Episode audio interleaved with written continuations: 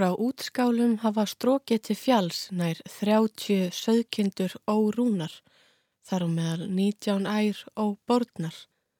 Þá er hittakunna kindur þessar byrði vinsamlega að ríja þær og marka lömpin gegn ómaks launum. Mark mitt er stúfrifað hægra og hamarskorið vinstra.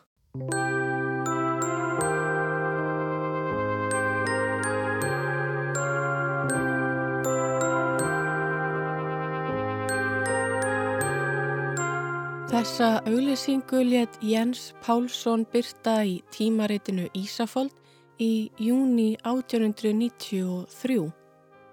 Þú ert að hlusta á glans. Íslenska söðkindin verður sem sagt í brennideppli í þættinum í dag. Á Íslandi eru 400 til 500.000 fjár, segir á vef Ístex og meðal bú með 200 til 300 kindur. Íslenska söðkindin hefur fyllt Íslendingum frá landnámi og þar segir einnig að stopnin hafi haldist einangraður í aldanarás og sé einstakur. En hvað er svona einstakt við íslensku kindina og íslensku ullina? Hvernig er ferlið frá því ullin er áföst kindinni og þar til fólk klæðist henni? Hvernig var þá íslenska lópapeisan til? Hvernig hefur hún varðveist og þróast í gegnum aldirnar? Hvaða þýðingu hefur hún fyrir okkur?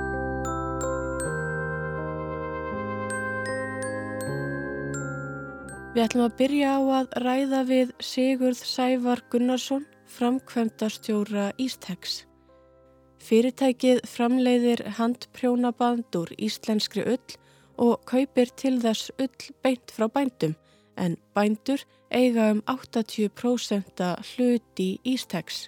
Fyrirtækið þvær og meðhöndlar um 99% af allri íslenskri ull og reykur ullarþvottastöð á blöndósi og spuna og bandverksmiðju í Mósfellsbæ.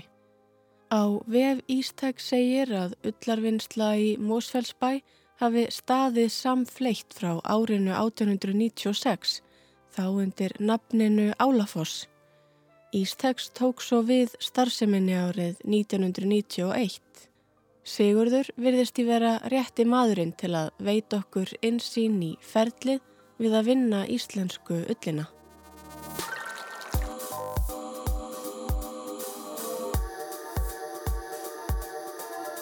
Hvernig er ferlið við ullina? Já, uh, það er stort spurt. Það byrju allt í bara segðarbúskap og menn uh, er með sína ræktun og annað slíkt og komin til byggða á haustin. Og á haustin þá byrja menn yfirleitt á að taka einn kannski lömpin, það er svona fyrst öllu sem er rúin og það gera menn yfirleitt með því að bara veist, kalla inn verktaka og þá er það bara aðalega sem sér hefur sig í aða ríja rúnismenn. Síðan er bara öllin flokku sérstaklega Uh, þá er lamsöll, fyrsta flokk, annar flokk, fríaflokk og söðalitina og, og, og eftir því. Þetta er eiginlega best öllin, austullin og þetta er meil hlutin af öllin er, er söfnuð á þessu, þessu tímabili. Uh, síðan kemur okkur að við söfnum öllinni saman og þetta er þetta sem við erum að gera frá fyrsta náumber og já, rauninni alveg fram á, fram á vor. Þegar þú segir haustöllin er best, eru þá líka verið að rýja kindunar á öðrum ástíma? Já, síðan eru rúð líka vorin. Þegar við með þess að fyrsta flokks öll, þá er, er það uh, skeppli sem eru rúnar tvisvara ári á haustin og síðan aftur á vorin. Og af hverju segir að haustöllin sé betri í rauninni? Já, þá er búið að taka af snóðið á vorin. Uh, þetta er dual fleece sem fellur af annars og þá er, er skeppnurinn alveg, byrjar hún alveg hreinrunni að stafna öll og það er akkur það sem við köllum þessu snóðu öllun á. Þá fyrir að stafna saman gamla öllin ofan á nýju, nýju öllina og það er, það er ekki hægt að vinda svolítið öll það sem verður og flókin og, og erfið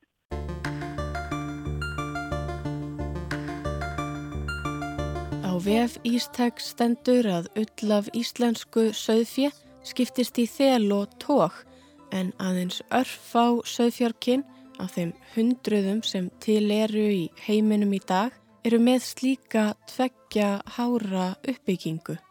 Þel íslensku ullarinnar er fínt, mjúkt og óreglulega liðað. Þelið hefur góða öndunareginleika, einángrar vel og er létt í sér.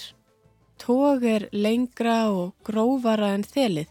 Tóið myndar verndar hjúpum þelið og ver fjöð fyrir íslenskri veðráttu. Tóghárin gefa íslensku öllinni styrk og struktúr. Fjöð gengur ekki auðveldlega úr reyfinu og því er rúningur mikilvægur hluti af velferðera.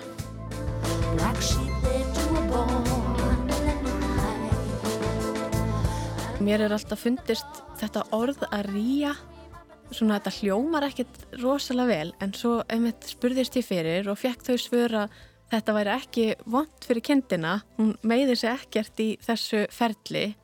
Þetta er rauninni bara svona jafnpyrrandi og, og, og þú fyrir klippingu. Já, já. Þannig að rýja, það þýr ekki eins og reyta eða... Nei, nei, nei, nei, nei. þetta er bara, þetta er bara, eru klippur er bara eins og, eins og bara, þú ferður rakvarstofu og, og myndir ráta rakaði hárið, það er ekkit, ekkit flóknarlega þannig. Já, og svo eru sérstaklega rúningsmenn, eins og segir, þannig fólk sem Já, að... það, það er eiginlega, það eru menn sem eru bara, eru með alltaf réttu græjur og kunna tökinn, sömur eru alveg feikir að duglir aðeins, það er bara skeppna bara, hún er eitthvað bara, hún bara, þetta er bara líka við eins og síðan bara rakvarstofi, sko. Já. Og þannig að lítil átök, sko.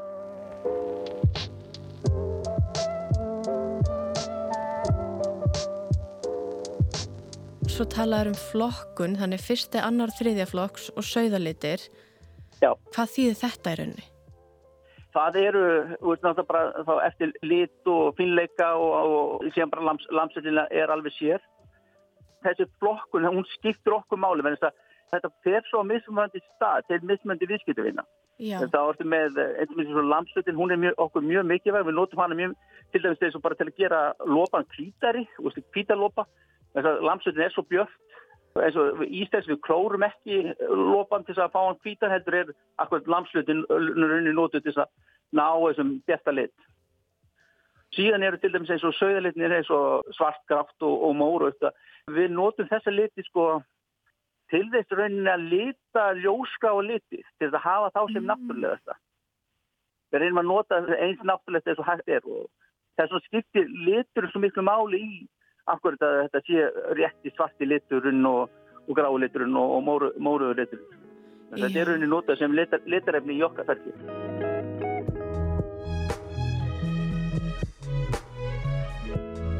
Er ullin aldrei eins á hverjum tveimur kindum? Nei, hún er kannski keim lík en það er kannski meira svona í hvernig aðstæðum uh, rótlunar lenda. Þú er kannski með þurft vor og og sem er rúið strax þegar það er tekið inn á hús og þess að þá farir mjög flott öll og þá eru mikla líkur og menn fá kannski fyrsta flokks öll eins og segja, eins og segja ef menn eru kannski taka inn ekki alveg strax og býður í kannski nokkra vikur þá, þá minka líkurnar á og fáið góð öll til dæmis. Og veðurfarið hefur þess að svona beina áhrif á gæði öllu. Já, algjörlega, þannig að þú, þú getur verið mjög góðu, mjög góðu bóndi sem bara er tíðin svona rosalega erfið, þú verður að taka fyrr inn og þú nærði ekki rúnismann og, og þá ertu bara dæmtur í, eða rauninni dæmtur í kannski lakari flokk. Þannig að þetta er, mm. er, er, er svona, það er nokkuð flækist í þessu.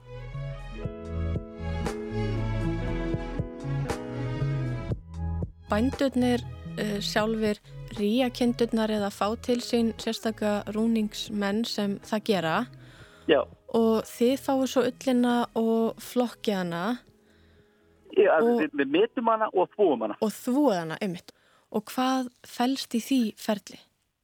Það ferli fælst í rauninu bara ullinni setti gegnum, gegnum bara tætra til það og svona rífa hana svona í sundur. Síðan fer hún í bara gegnum þvóttakar sem er eða svona, svona ítt áfram. Og þetta er bara svona sót, vægu sóti og og smá sápa sem við notum þannig að þetta er væg efni og síðan er, er þetta bara mikið skólfeldi að ná allu í, í burtu. Uh, þurkuð og það fer hún í tvo stóra blöndunarklefa. Það sem, veist, eins og segir, til að jafna gæðin á, á henni. Sem eru svona kannski 5 tonn uh, í hvert klefa. Sem er því pakkað í svona bala sem eru svona 300 kíló. 5 tonn, er þetta svona mikið af öll á hverju ári? Já, 5 tonn, neða það, já, það, það er bara dagurinn það er bara dagurinn. Vá, bara dagurinn. Er eitthvað að vita hvað þetta er mikil öll á ári? Núna í ár þá var þetta með 670 tonn sem voru safna Já, vá. Síðan lyftist þetta til helminga og rauninni, það er betri flokkur en þeir fara í Mósusbæn og þar, þar er alveg sér ferlið það sem núna er blöndu, við erum búin til okkar blöndur úr lamsull og fyrstaflokki og, og, og söðulitum og litum og síðan erum við með tvær stóra kempivílar fyrir sunnan sem uh, allir lópi fyrir getnum. Já, og hvað gerist í þessu svona kempunarsferli? Já, já, já, það er runni bara nákvæmlega sama eins og var gett í gamla það. Já. En þannig eru bara stór hjól sem snúast og, og runni er, er bara verið að greiða hárun í sömu átt. Þannig að maður getur síðan spunnið úr öllinni? Já, það er runni lókast í, þessum, uh, í þessu ferli. Þá er, er þráðurinn búin til og síðan fer það í, í spunna það sem, það sem uh, er að spinna saman þræði og, og snúa þráðurinn.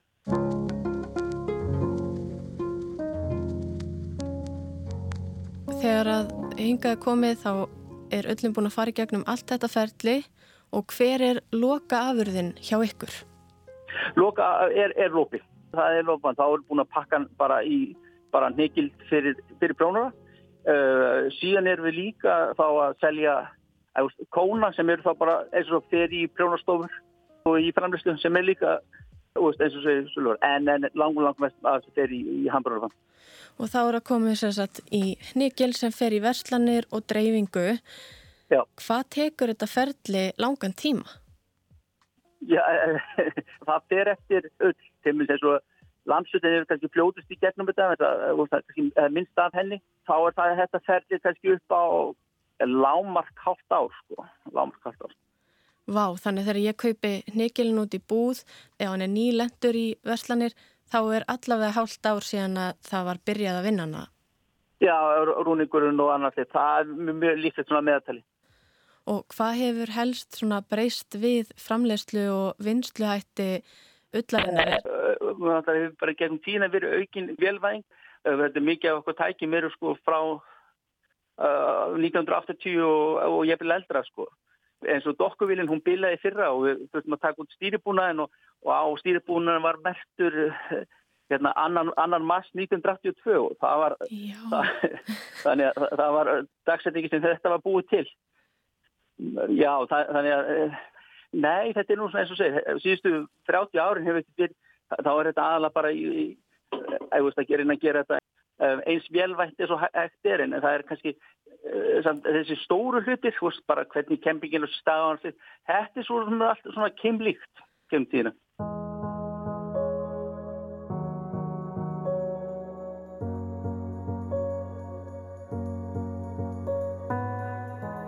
Og um þetta svo segir, eh, svo fer þetta í útflutning, hversu stór hluti af ykkar framlegslu fer í útflutning og hversu stór hluti verður eftir hérna heima? Um, í gegnum árið þá hefur svona 40% af veist, þá hráöll og hambrarbandi farið útflutning en núni í ár er þetta meira það, það er um 60% af okkar tekjum koma að auðvitað sko. Þannig að Íslasköll er alveru útflutningsvara Já, orðan það, það er lopi sem er uh, hambrarbandi það, það er það sem mest aukningin er í. Já, þannig fleiri vilja prjóna og, og nota íslenska lopan. Uh, ég hitti fyrir að þá líklega uh, kom svo tíma, tími að það eru voru fleiri ellendir prjónarar að prjónulopa heldur en íslenskir. Og það er bara þróun sem er bara að aukast. Já. og svona aðalega drifir kannski í norð, norður Evrópu en líka bandaríkjónum og, og, og fleistu Já, er allt, alltaf til nóg til að annað eftirspurn? Núna er, veist, er þetta svolítið svona skrittitímar að það, þá erum við með nóg af uh, fyrsta flokk en það er eins og sögalitnir og lampslutin og það, það, það sér maður fram á svona pínu maður þarf að hugsa, hugsa að fara spallega með hana sko, en áður. Það er alveg, alveg klárstall það eru erf, erfileikar í sögurrækt um, ég byrjaði hérna fyrir þreymur árum og Ullamagn hefur minkað um 17% á landinu á þeim tíma. Og, og það er bara fækkun búa og, eða fækkun stefna. Sko. Og maður sér það ferli að halda áfram sko. Við búist við frekar í miklu núna á, þessu ári. Framtíðar möguleikar í þessum innæði, eru þeir góðir? Þeir eru góðir og það er margt spennandi framöndan en þetta gerist ekki Þetta gerist ekki sjálfkvæða, það þarf að vinna þessu, bæði þessu mörgum og það þarf líka aðeins að huga að íslenskum söfabændum.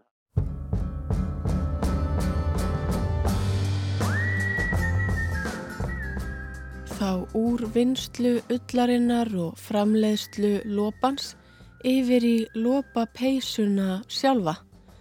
En fyrst ætlum við þó að stoppa stutt við gamla dóma sem fjallu árið 1876 og sína glögt hversu dýrmætar kindurnar voru og já, eru. Dómana rakst ég á í áðurnemdu tímariti Ísafold.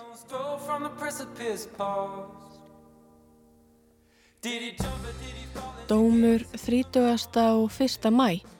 Sæmundur Sæmundsson á rútstaða Suðurkoti í Árnessíslu dæmdur í fjögra til fimm daga fangelsi við vatn og brauð eftir 250. grein almennra hefningalaga og yngimundur sonur hans til að hýðast 15 högg með reyrpriki.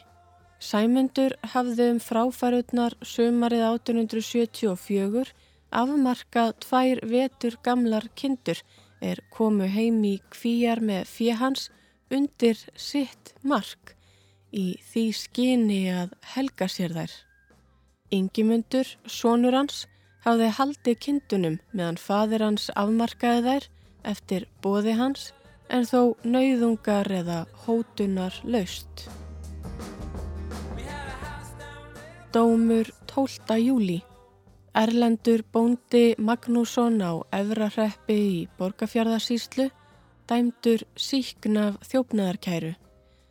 Hann hafði vorið 1874 rúið fjóra söiði er Þóruður bóndi Þorstensson á leira á átti og ekki skilað reyfunum fyrir en leitað var hjá honum þjóvaleit. Að vísu hafði hann við smala þorðar neitað að hafa séð söiðina, látið ullina af þeim saman við sína ull og sagt telpu sem hjálpa honum til að ríja þá að hann ætti eittera sem var grár. En hins vegar fór hann ekkert leinilega með reyfin og hvaðst hafa ætlað að skila þeim undir eins og hann ætti leið söður yfir skarðsheiði en það hafi Þórður beðið sig að hyrða öll af kindumanns ef svo bæri undir og hefur Þórður ekki þórað að bera á móti að svo kunni að hafa verið. Þetta bar hann stöðulega fram enda hvaðan aldrei hafa haft á sér neitt óráðvendis orð.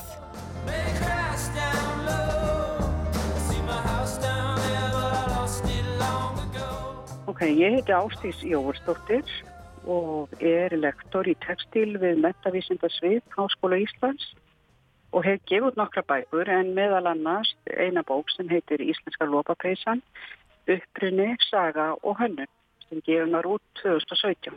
Þetta er sko rannsók sem ég vann í öllabils, ég ætla að það hef ekki verið þrjú ár og síðan ákvæði að gefa þetta út í bók og verkið er sem sagt reytrikt líka. Þannig að það er svona vísindarlega viðkjent sem træðuritt.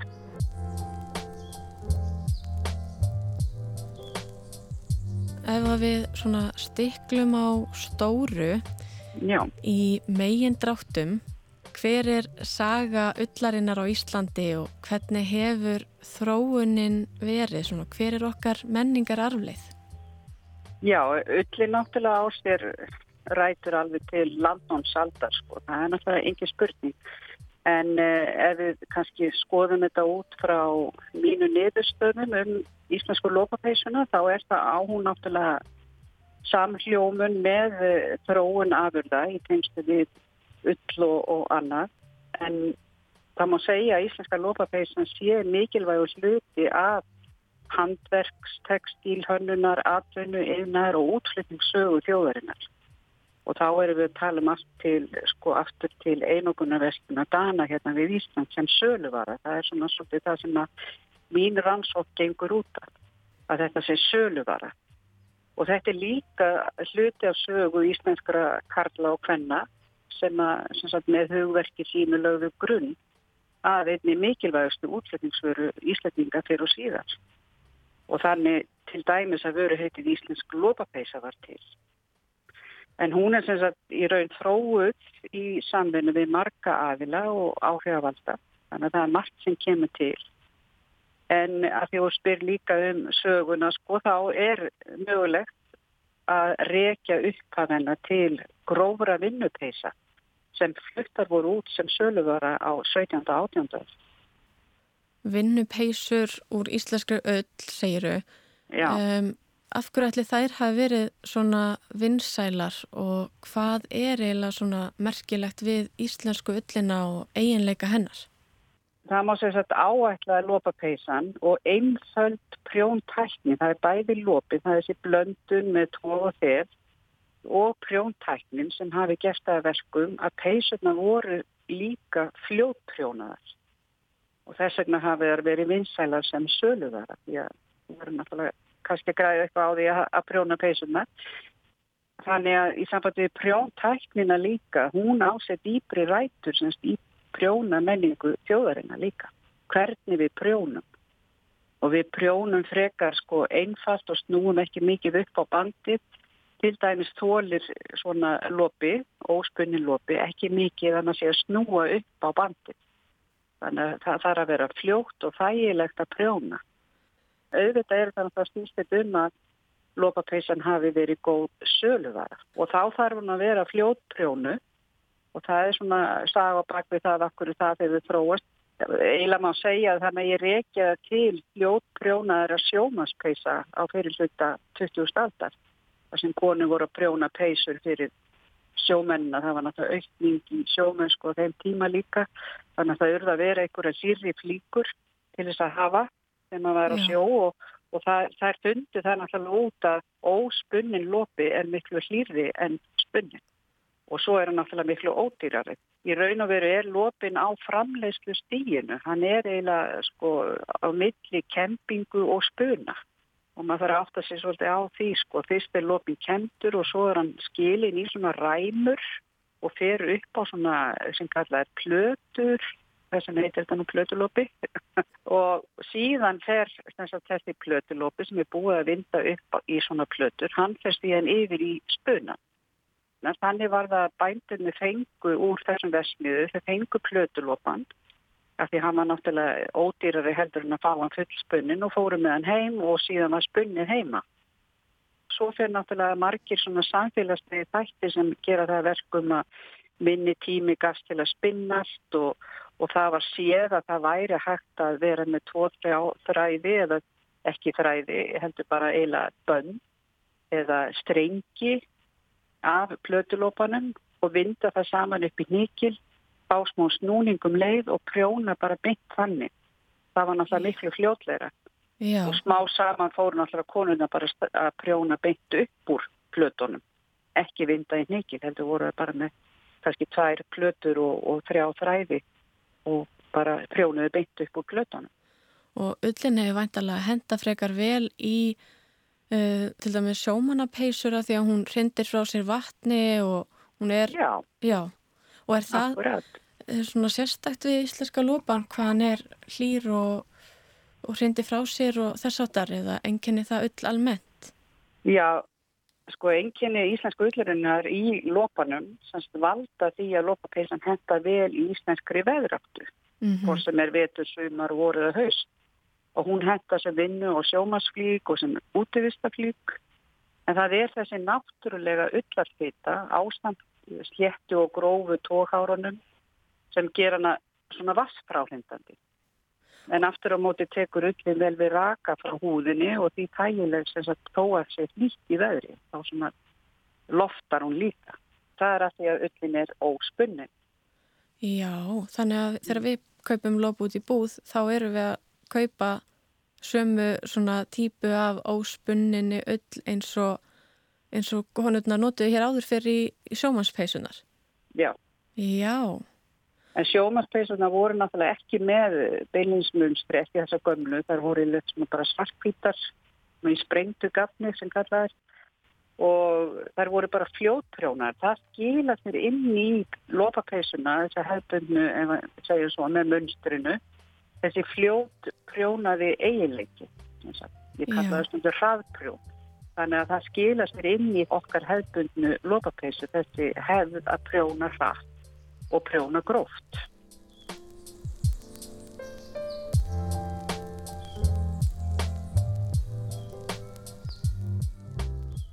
Hér áður fyrr mm -hmm. er hægt að segja frá því stuttu máli hvernig ullin var unnin frá kindinni yfir í uh, lopa til að prjónur.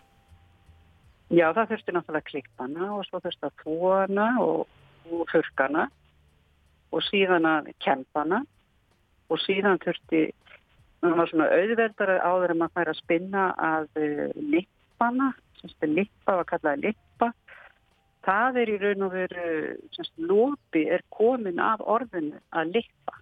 Mm. Það er í raun og veru sama ferli, þannig konan að draga ullina og lippana með því fingra sér og búa til lengju og það er raun og veru það sama sem gerist í vestmjóðan að það er sem sagt verið að kempa og síðan að draga og skilja að kempuna í þessa fræði, lopa. Og var þetta erfitt ferli? Já, sjálfsögur var þetta, sko, meðan það var heimilisinaður, þá var það erfitt, já, fyrir tíma vestmjóðanan Og það sem var sko að allir þurfti að vinna saman að því að eh, vinna að þessu ferli að koma öllinni í frá þannig að hægt væri að vefa úr því og prjóna. Og svo er þannig með vefnaðin, hann er mjög flóknari heldur en prjónin. En það gáttu allir læst að prjóna meða við flókin vefnaðin. Og það voru alveg börn sem alveg nýri Já, sögur um 6 ára, 8 ára börn sem voru uh, skilir við að þau gætu prjóna kannski eitt para vettlingum á viku og, og þannig skilur við. Þannig að allir fyrst að taka þátt því að fyrir utan það að vinna fatna fyrir heimilisfólki að þá var líka verið að vinna fatna til sölu. Og þetta var nota sem gjaldmið bæði vefnaðurinn og prjónið.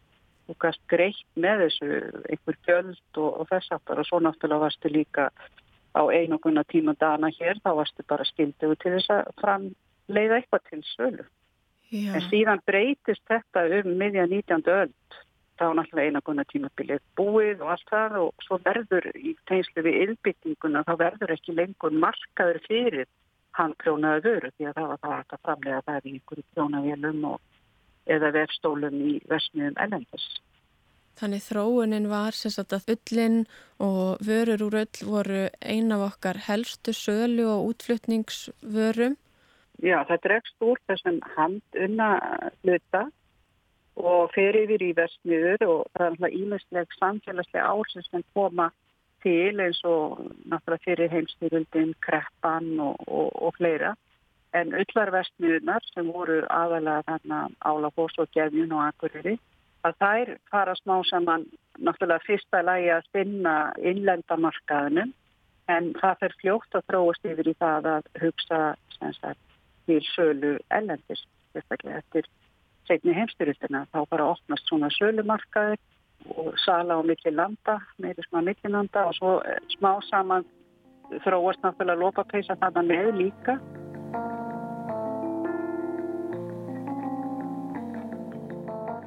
Og svo ég fari einmitt yfir í svona íslensku lópapeisuna mm -hmm. nú hefur þú skrifað bók um hana og gert rannsókn um hana Já. Um, hver er tilurð íslensku lópapeisunar? Já, það er náttúrulega er tilurð sem sem ímynd eða sem söluvara. Það er það helsta sem hún stendur fyrir og byrjar þarna þróunin, ég verið búin að tala um brjóntæknina og, og gömlu sjómaspeisunar. Þær voru líka söluvara en smá saman förum við að vinna því að gera fallega minjavörur um já, íslenskt handverk, íslensk munstur. Við notum gamlu sjónabækurnar og fleira til þess að bróa yfir í munstur á lopapeisuna og gerum hana að þessari markaðsvöru, luxus markaðsvöru og það eru náttúrulega prjónakonunar, íslensku prjónakonunar, maður sem getur eigna þeim þessa frógun.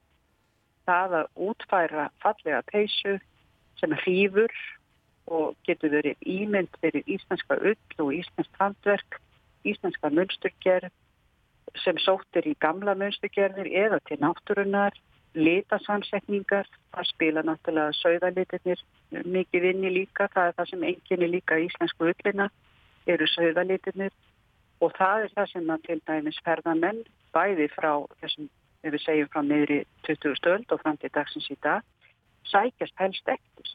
Það eru sögðalitirnir og þetta sé íslensk hrein ull sem er jáfnveil er hægt að reykja beitt í kindarinnar og túninu mm -hmm. og til prjónakonunar og svo er hún bara það falleg og hrífandi og einhvern veginn, sko, sögðalitinir vinna svo vel saman einhvern veginn þannig að þetta verður alltaf fallegt.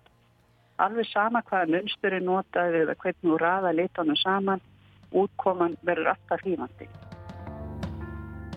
Og um, svo ég leiði mér að spyrja Hvernig eru íslensku sögðalitinir öðruvísi heldur en uh, sögðalitir annar staðar í heiminum? Já, við höfum fjölbreyttari liti. Mm. Við höfum svartan og, og yfir í móraugt og, og, og gullt og grátt og já, þetta eru nokkri liti sem er orðið mjög óalgitt vegna þess að það var svona eftirsóta að rækta bara kvítan stopp og að því hinn litinni þóttu svolítið svona sögða litir sem að kalla og, og það þóttu nú kannski ekki fínt að vera í sögðalitunum eins og stundum var. Þess að Íslandingar voru svolítið hissa á því að útlendingar vildu þessa sögðaliti það heimast að vera svona já að því að litaður fastnaður í rauðu og, og hérna kongablá og öllu þessu þetta þóttu náttúrulega eftirsóknarverðara svona eitthvað sem tengist kongadæmunum Já. En það var ekki leifilegt fyrir í raun og veru þáttæka alþjóð að klæðast þessum litum. Þeir urðu að vera í sögðalitunum. En smá saman fyrir þetta tekja bara flott sagt, að, að við eigum þetta marglita sögðið og það spekla sér í lópapreisunni líka að sjálfsögðu. Og það fyrir sérstaklega.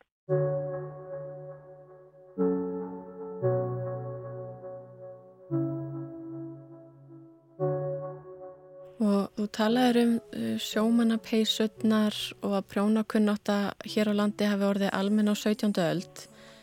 Já, svona í kringum lok 16. aldar. Já. En útlitið á lópapeisunni eins og við þekkjum hana í dag, uh, hvenar og hvernig byrjaði það að mótast og hverju voru svona helstu áhrifavaldar þar? Það byrjar sagt, að mótast þetta útlitt í tengslu við þessa útvista peysur og minja peysur. Þetta er svona á fjórða áratugnum, svona eldstu peysurna sem ég finn í minni rannsók, bæði í, á söpnum sem prjónaði peysur og í mynd, ljósmyndum. Það er svona í kringut 1938 og það er rétt fyrir stríð í raun og veru sem að þetta er komið í fulla, já, fulla notkun að prjóna og það er líka skrifstofan Íslensku ull sem að ég fjalla um í rannsóknminni sem hefur mjög lítið verið rannsakað og fjallað um að það er stopna fyrirtæki sem heitir skrifstofan Íslensku ull og það er svona lögðu línur um það að annar staðar á Norðurlöndunum væri verið að vinna með einhverja svona útvistapeisur, minjapeisur og við þyrstum að eignast þannig peisur líka hér á Íslandi. Og það er ítt undir það að nota íslensk munstur þó svo að staðsetningin eða sagt, þetta axta stykki eigi líka rætur annar staðar sem sagt þá við getum talað um grannlenskt eða ekifst eða eitthvað þess aftar að það er bara, hefur verið í gefnum aldirnar að þessi staðsetning sé á klíkum í kringum andliti, það sem er mest ábyrgandi framan á ermum og þess aftar þetta er bara eitthvað sem týrkast Þannig að í raun og veru höfum við kannski ekki beilinins verið að finna þá staðsetningu upp og svo eigum við náttúrulega líka mjög gamla munstur hefðu, eigum gamla sjónabækur frá 17. átandöld sem er í svona munstur bekkjum.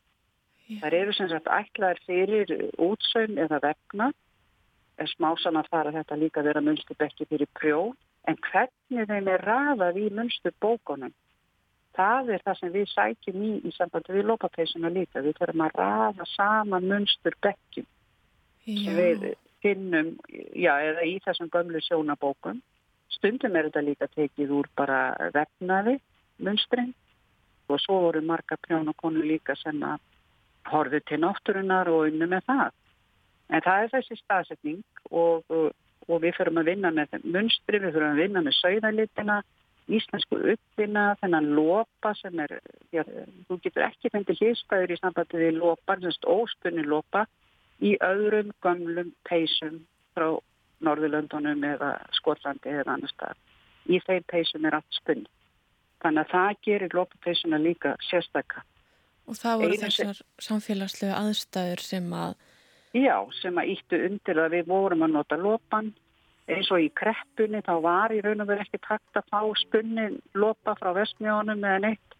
Þannig að það var bara að nota lopan eins og það var og síðan eh, smá saman er ekki neitt flutt inn heldur þannig að við urðum að snú okkur að því að eh, nota lopan en það var að líka ódýr þetta var ódýr vara til að framleiða handprjónaðar sjómanspeisur og síðar vennilega lopapeisur það var vegna þess að, lopin var ódýr og fljótlegt að prjónur hana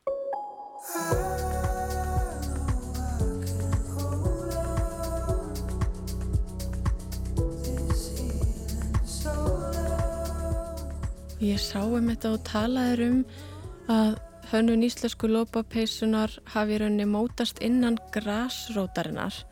Já. Hvað fælst í því? Það fælst í því að þetta að prjóna lópapeisunar hafi verið heimaprjón.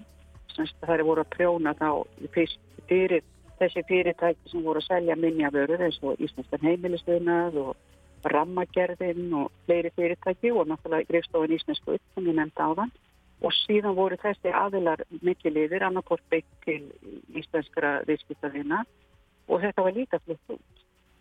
Já, svo náttúrulega fóru það að vinna fyrir vestmiðurnar því að lópapeisan hafa sínt að lópapeisan væri í raun og veru fulltrúi fyrir íslensku, bara íslenska ullar samlegslu þó að vestmiðurnar færi smá saman hérna eftir í gengu í eftir 1970 að framleiða úr loðbandinu, svona velprjónaðar peisur og, og flíkur, aðra flíkur sem að hérna voru síðan sniðnar og saumaði saman að þá var íslenska lopapeisan alltaf fulltrúi íslensku ullarinnar og meðan þessi versmiði einaður stóð að þá voru fullta prjónakonum sem að prjónuðu heima hjá sér fleiri, fleiri peisur sem að annarkort, já, voru mestuleiti fluttar út í gegnum versmiðunar og versmiðunar voru farnar að gera svona töttunalista og halda tískusýningar elendis og fleira og gera í raun og veru lokapeisuna að tískuður.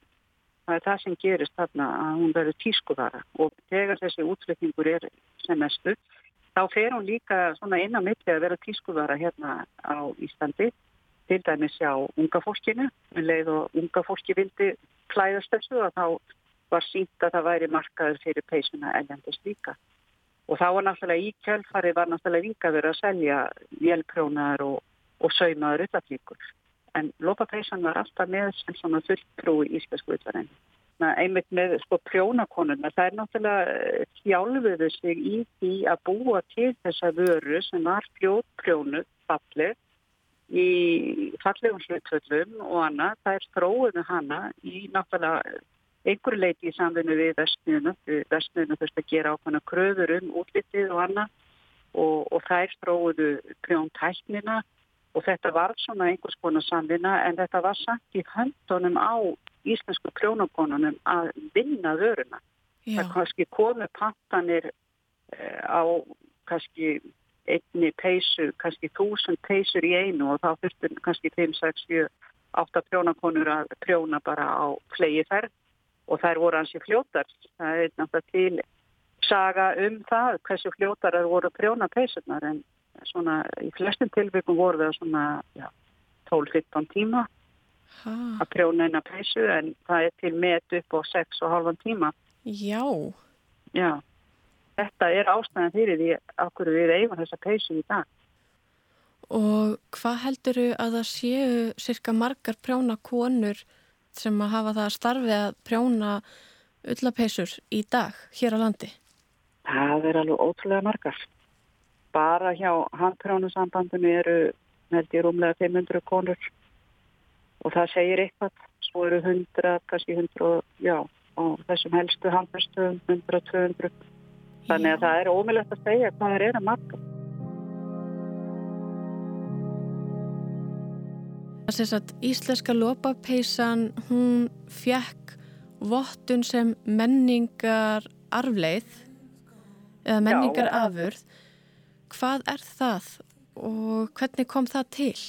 Já, fórsandan er í raun og veru að sækja í ný lög og reglugerð og rannsóknin mín um íslensku lópapeisuna, uppbruna, sögu og hannu sem að var til þess að það var hægt að sækja um En að sjálfsög er það náttúrulega að vara sjálf, engi spurning, en uh, það er sem sagt uh, þarna 2014 þá taka í gildi lög um vernd aðurðaheita sem vísa til uppbruna, landsvæðis eða hefbundinar sérstöðu.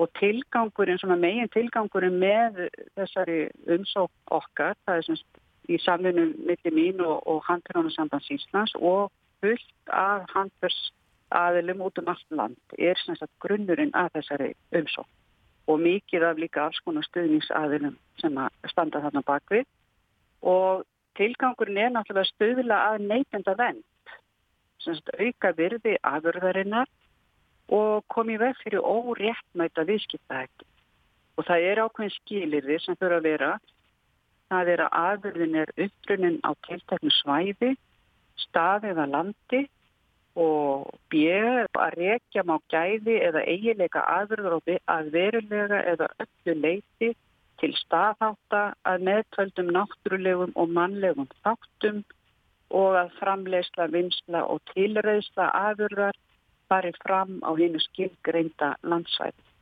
Hvað þýðingu hefur það að íslenska lópapeisan sé vottið?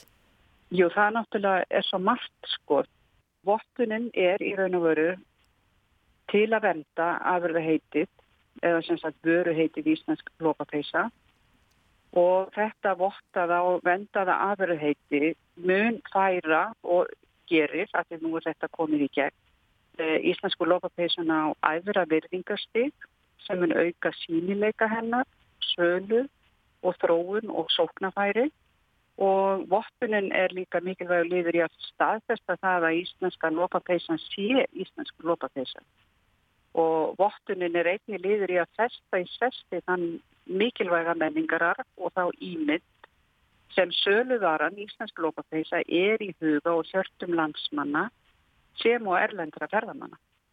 Og það er náttúrulega laung hefð fyrir framistu peisun og í þessum lögum þá þarf það að vera að minnstakosti 30 ár og við erum að tala mun lengri tíma eða frá því á 15 áratug síðustu aldar og svo náttúrulega á prjóntæknin sé lengri rætur aftur í aldir og það má reykja uppruna gæði og eiginleika og orðspór peysuna til þessa ykkar.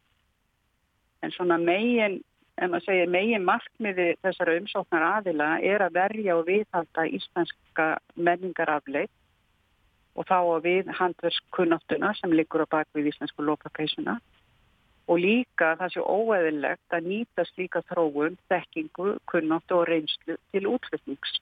Þá ég við að íslensk hefð og prjónaþekking sé flutt út og innflutnings, það sé að vera að vinna fullunar peisur prjónar og erlendu stafsfólki í nafni íslensku lópapeisuna. Og hvað við vildum með þessari umsókn líka. Það er náttúrulega var að, að það er þessi sértæku þættir sem enginn að hefðbunna íslenska lópapeisu eins og það að ullin sem er nótu er klipt af íslensku sögfíu og í peisuna er nótu nýjöld, semst ull sem er ekki endurunnin. Og peisan er prjónuð úr lópa eða öðru sem við kallum plötulópa eða léttlópa eða svo er náttúrulega komin ímisnöpp hjá þeim aðeli sem eru byrjar að framleiða ull. Og svo að ringprjóna berustykki eða axlastykki eða herðastykki sem við viljum kalla er með ákveðnu munstur útliti. Ekki sem sagt það er ekki verið að sækja um vottun á einhverju einstaka munstri heldur meira útliti á peysunni sjálfi og peysan sé handprjónuð á Íslandi og hún er prjónuð hring án sauma, semst án samsetninga og svo getur hún verið opinn eða heil og svo er ætlunum náttúrulega líka að uh, hafa uppruna tilvísunna á vörunu líka.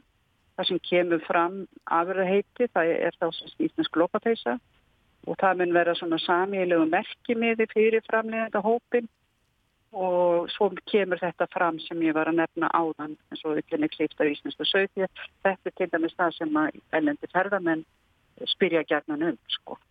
Og svo stendur til að, að merkja vöruna með nafni þess sem prjónar. Það er líka mjög mikilvægt fyrir þá sem að sérstaklega erlendaferðamenn við vilja fá að vita hverju hafa prjónaðana svo það er svona ímislegt þarna en ég vil líka taka það fram að það hafi verið mikla gæða kröfur hjá þessum handprjóna aðilum eins og handprjóna samband Íslands og fleiri aðila. Og það má nefna alveg fullt af atröðu þar í þessum gæða kröfum sem eru gerða til þeirra sem eru að prjóna og koma með peysur sem þeir vilja selja. Það er náttúrulega annað með þá sem eru að prjóna bara heima fyrir svig og sína en þetta snýst um söluvöruna. Það er mjög mikilvægt að við gerum okkur greið fyrir því. Og ég get kannski nefnt hérna nokkur atriði eins og það að peysan sér prjónu í ringa um samsetninga, að rétt hlutvöld séu í starðum og munstubekkur og bóla ermasít séu í samræmi, að góð hreyfuvít séu við upphandveg og undir handvegi, að uppfýttjun séu mátilega tegjaleg að prjónfesta á ból, ermum og munstri sé svo sama, að miðlíkja í munstri neðan á peysu og axlastíki sé rétt, að munstur sé villu laust, að ríkjandi líkjur sé í munsturlitt, að samskeiti á munstri sem prjónaður hring sé mjög lítið ábyrrandi, að bandi sé lagt með í munsturbekk en ekki bundið undir til að festa það, lausbönd á raungu í munsturprjóni með aldrei vera laung því annars er hægt á þau slítni við nokkur og svo að heil slétt líkja og neftum peysun líki næst lista alla leið lóðrætt. Þannig að hérðan af ef ég fer út í búð og kaupi mér íslenska lopa peysu þá get ég búist við því að öllu þessu sé fyllt. Já, og meira til, þetta er langur listi. Já, já, vá. Já, já.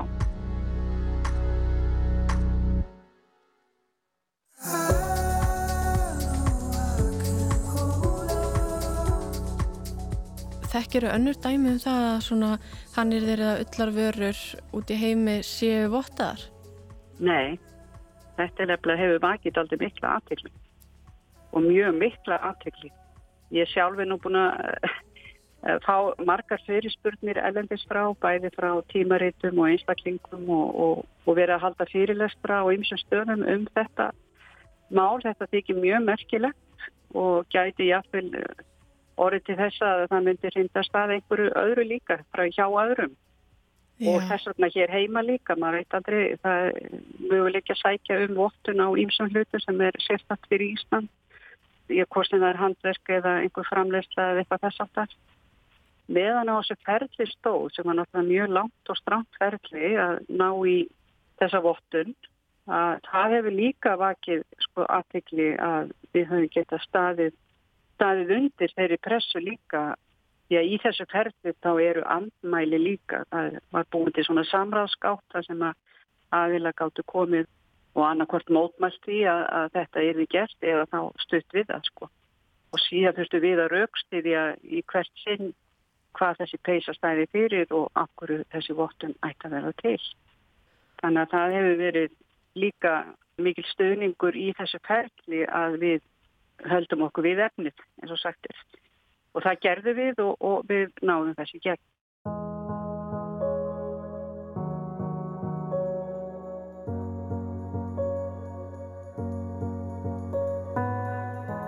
Ég hef séð að það sé talað um að íslenska lopapeisan í rauninni tengist í rauninni þjóðar ímynd okkar Íslendinga. Já. Er hægt að útskýra það einhvern veginn svona hvaða þýðingu íslenska lópapeisan hefur fyrir okkur sem þjóð? Já, hún er eiginlega fulltrú í Íslandstrar ullar. Hvað ullin býður upp á þessi tikka, létta peisa og munsturgerðin og bara handverkið. Það er sérstaklega að við skulum ennþá bara handprjóna þessa peisu en það er náttúrulega ekki hægt að velprjóna svo vel sér íslenska lokkvísu. Hún verður að vera handprjónu til þess að hún nái öllu þeim gæðum sem að krafist er og hún bara stendur fyrir íslenska ull og að hér lifi ennþá handverk sem ímynd íslensku þjóðinni ef þú ert í lofapeisu einhvers þar ellendis að þá er strax hugstað, já, Ísland og þú tjáur því að þú ert Íslandingur eða þú ert hrifin að Íslandi eða, eða þú hefur komið til Íslands. Þetta er svo hreymalegt afl, svo sínilegt, þetta er svo mikið sjónrænt. Þessi peisa hefur gengið á milli kynstóða, kunnáttan hefur gengið á milli kynstóða og okkur finnst þetta svo eðlegt en ég held samt í dag að þá erum við aðeins þannig að staldra við einmitt út af þessari vottun á þessari frábæru peysu að við gerum okkur grein fyrir því hvað við erum með merkina hluti í höndunum, hvað við getum gert mikið með það. Og meðan handkljónið lifir, þá lifir peysa. Það er engin spurning.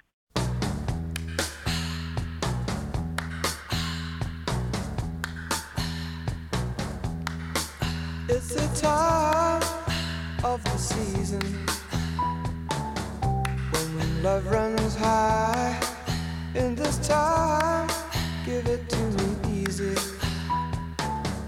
And let me try with pleasured hands to take you in the sun to promised lands to show you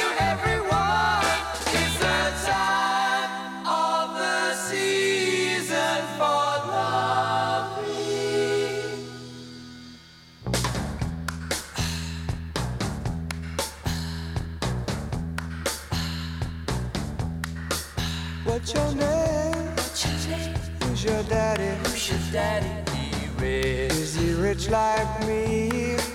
Has he take us any time to show to show you what you need to live. Tell it to me slowly.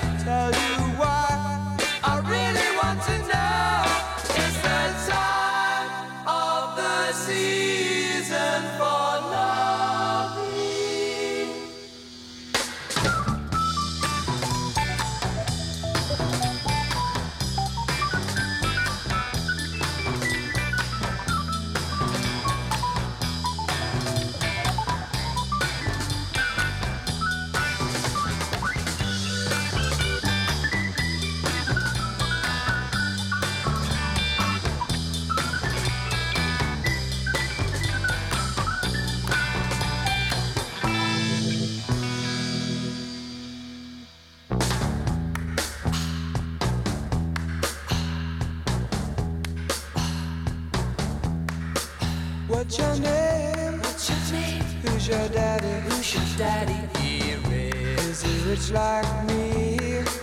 Has he taken? Has he taken? Anytime. Anytime